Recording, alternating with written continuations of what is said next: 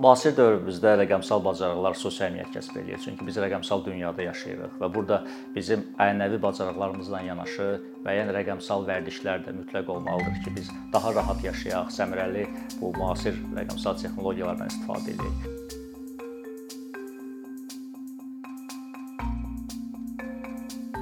Bəzi hallarda insanlar sadəcə olaraq başa düşmürlər rəqəmsal bacarıqlar nədir. Onlar bunun mahiyyətinə varmırlar.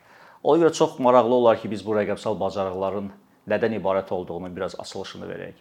Rəqəmsal bacarıqlar əslində müxtəlif insanlara, müxtəlif kateqoriyalara fərqli bacarıqlar lazımdır. Əgər biz əhalidən danışırıqsa, əhali daha çox ümumi rəqəmsal bacarıqlara sahib olmalıdır. Amma burada digər kateqoriyalar da var. Məsələn, təhsildə işləyənlər, müəllimlər, tələbələr, biznesdə, adi iş yerlərində işləyən insanlar, onlar üçün daha fərqli və əlbəttə IT peşəkarlar üçün tam fərqli rəqəmsal bacarıqlara ehtiyac vardır. Amma biz daha çox böyük kütləni əhatə edən əhali haqqında danışaq daha düzgün olar. Əhalinin rəqəmsal bacarıqları bizim ümumiyyətlə cəmiyyətimizi müəyyənləşdirir.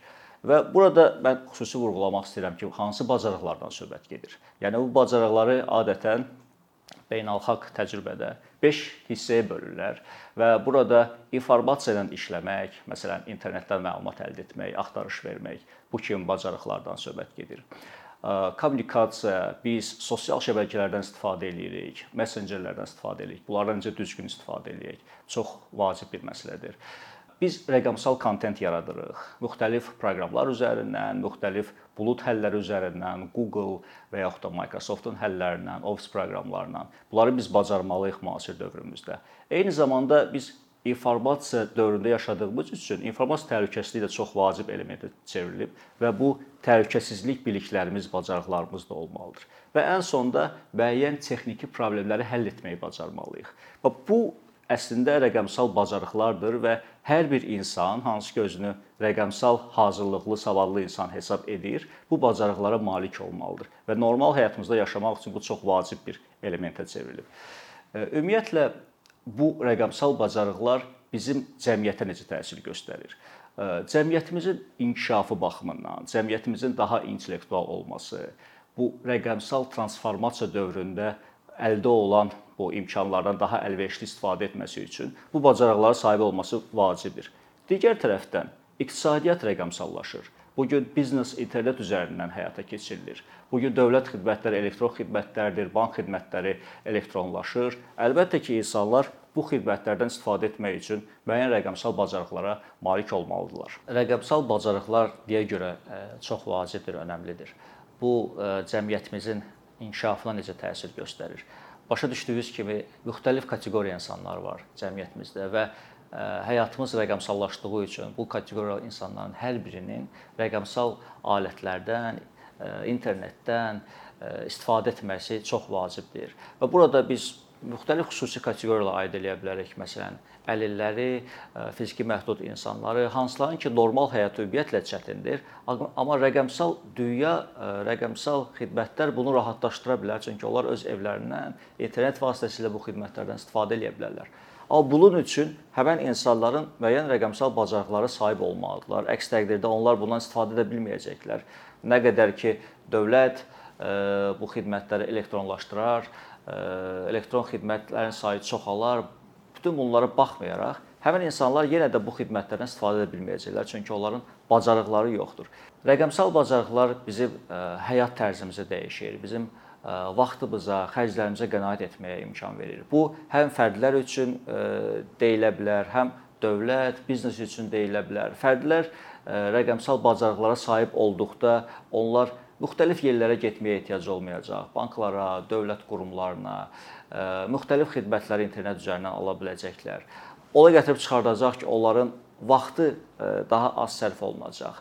Eyni zamanda onlar daha az xərc xərc həyata keçirəcəklər ki, harasa harasa səyahət etməsinlər, harasa getməsinlər, hər şeyi internet üzərindən əldə etsinlər. Digər tərəfdən dövlət biznes üçün də bu keçərlidir.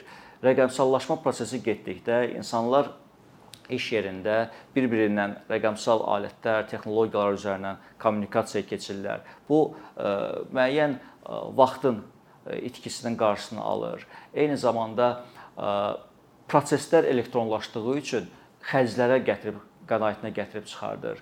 müəyyən resurslara artıq ehtiyac olmur.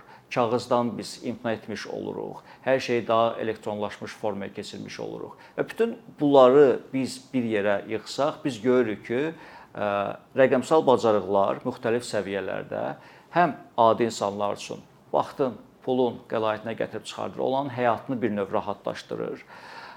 Digər tərəfdən də biznes üçün, dövlət üçün də bu böyük bir qənaətə gətirib çıxardır. Digər tərəfdən bu gün biz ağıllı əşyalar, ağıllı şəhərlər, kəndlər haqqında danışırıq. Yəni bunun üçün də rəqəmsal bacarıqlı insanlar olmalıdır. Əks təqdirdə o ağıllı şəhərlər, ağıllı kəndlərdən yaşayan insanlar oradakı o ağıllı texnologiyalardan biz deyirik, internet əşyaları, ondan istifadə edə bilməyəcəklər.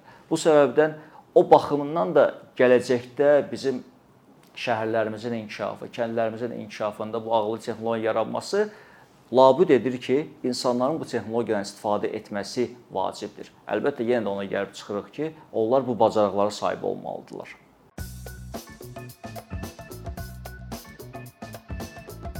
Bir neçə ildir ki, əkinçi olaraq Azərbaycanlı izləyicilərin hər zaman faydalana biləcəyi keyfiyyətli və ən əsas ödənişsiz kontent hazırlamağa çalışırıq. İndiyədək təqdim etdiyimiz onlarla animasiya və yüzlərlə çəkilişlər tələbələrin, mütəxəssislərin, müəllimlərin və ümumiyyətlə yeni mövzulardan xəbərdar olmaq istəyən çox sayda insanın marağına səbəb olub. Bu illər ərzində hazırladığımız videolar təhsil, texnologiya, ictimai fəallıq, iqtisadiyyat, gender bərabərliyi, ətraf mühit, ifadə ifadə azadlığı, hüquq, demokratik inkişaf, mədəniyyət və digər mövzuları əhatə edib. Məqsədimiz çoxlu baxış gətirən deyil, çoxlu fayda gətirən videolar hazırlamaqdır. Amma bu düşündüyümüz qədər asan deyilmiş. Gördüyümüz iş kifayət qədər resurs, əmək və təbii ki, davamlılıq tələb edir. Bu səbəbdən Patreon platformasından istifadəyə başladıq. Əkinçinin Patreon hesabının populyarlaşmasına çox böyük ümidlərimiz və gözləntilərimiz var.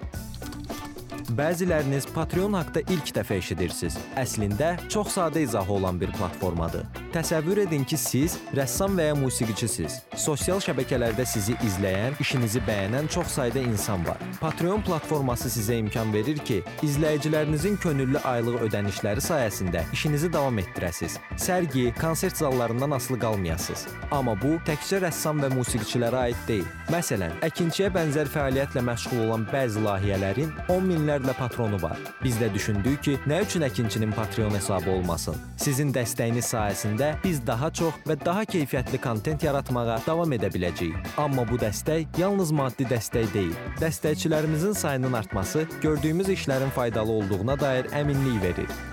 Patreon platformasından istifadə çox sadədir. Hesabınızı açırsınız, sizə uyğun dəstək növünü seçirsiniz və Patreon özü hər ayın ilk günü kartınızdan seçdiyiniz dəstək növünə uyğun ödəniş tutur. Bu qədər. Sonda onu demək istəyirik ki, dəstəkçilərin sırasına qoşulmaq istəyən, amma məhdud imkana görə bunu edə bilməyənlər narahat olmasın. Daha öncə dediyimiz kimi, bizim əsas məqsədimiz daha çox insanın hər zaman faydalana biləcəyi keyfiyyətli və ödənişsiz kontentin yaradılmasıdır. Bunun üçün mütləq patronumuz patronumuz olmalısınız deyə məcburiyyət yoxdur. Amma imkanınız patron olmağa çatırsa və bizim işimizi bəyənirsinizsə, patronlarımızın sırasına qoşulmağınız bizim üçün çox önəmlidir.